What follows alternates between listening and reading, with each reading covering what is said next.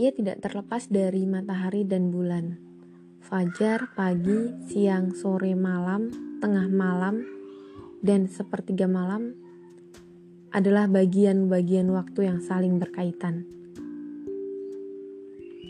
Makna waktu bagi seorang pekerja, waktu adalah uang. Bagi seorang yang pemalas, waktu adalah foya-foya. Bagi seorang preman, waktu adalah huru hara. Lain lagi, bagi seorang para prajurit, waktu adalah pedang.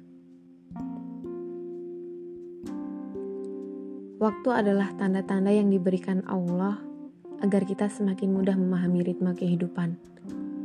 Sesungguhnya, waktu yang diberikan Allah adalah tanda-tanda agar kita selalu bertafakur mengenai kontrak kehidupan kita.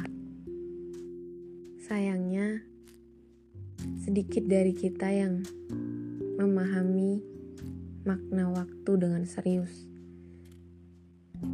Saat pagi sudah beranjak, kita selalu melupakan fajar. Ketika siang sudah datang dan terang, kita mengacukan pagi yang menawan. Bila sore sudah datang, kita menganggap siang dan pagi hilang begitu saja.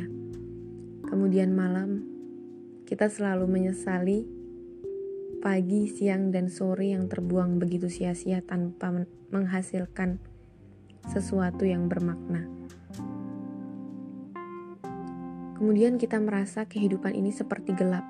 Waktu berjalan terus begitu, kegiatan hanya diulang-ulang, tidak ada sesuatu yang istimewa.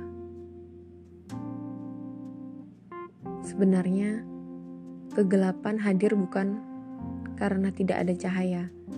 Kegelapan justru tampak karena kita sendiri yang membelakangi cahaya itu.